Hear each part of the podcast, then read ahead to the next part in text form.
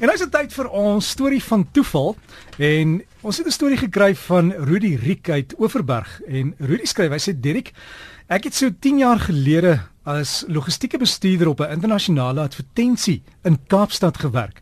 Nou een van ons stelle nou stel as jy nie weet nie dis die die agtergrond het hulle letterlik skep om die om die die plek soos 'n plek te laat lyk soos jou huis of 'n gimnasium. Hy sê dit was juis 'n gimnasium wat in Seepunt gebruik is. Dis bietjie goed is bygesit en hy sê die gimnasium het uitgekyk op die see En ongelukkig vir ons was daar toe hierdie reuse olietanker geanker in die middel van dit wat ons moes afneem. So als wat hulle gesien was hierdie pragtige gimnasium en dan hierdie olietanker wat daar agter gelê het waar die mooi see moet wees. Hy sê die internasionale regisseur was hoogs ontsteld en dit kos tyd. Kyk as jy 'n hele stel aan die gang het en jy het klomp personeel, almal wag om te vervilm, dan kos dit by die minuut duisende rande. En hy beveel toe dadelik dat ek die tanker moet laat skuif. En my reaksie was een van ongeloof en verbasing want hoe het die ou nou gedink ek gaan dit regkry?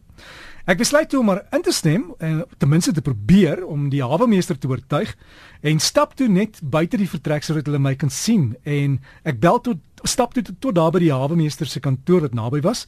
En hulle kan nou nie hoor wat ek doen nie. Ek gaan toe maar in en bel. En ek het natuurlik net van daar af my vrou geskakel om te hoor wat was vir aandete want ek het geweet daar is absoluut geen kans dat die hawemeester hierdie olietanker gaan skuif nie want uh, dit is in ons ons pad en hy het geen toegang daartoe en hy kan nie vir hulle beveel om dit te doen nie.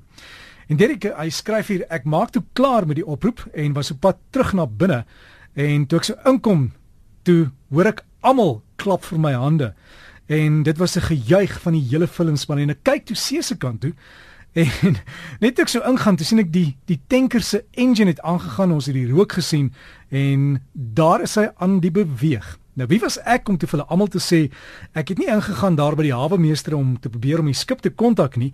Uh ek het eintlik my vrou gebel, maar ek het hulle net so gelos en toe maar net 'n klein glimlaggie gegee en aangegaan met die werk en ons kon die vervulling toe voltooi. En daardie geheim het ek vir jare gehou. Groete uit die Oeverberg, skryf Rudy Rick. Rudy, baie dankie vir daai storie. Jy het nie gesê watter advertensie dit is nie, maar uh ja, dalk eendag kan jy vir ons sê dan kan ons uitkyk vir daai gaping waar daai groot skip was.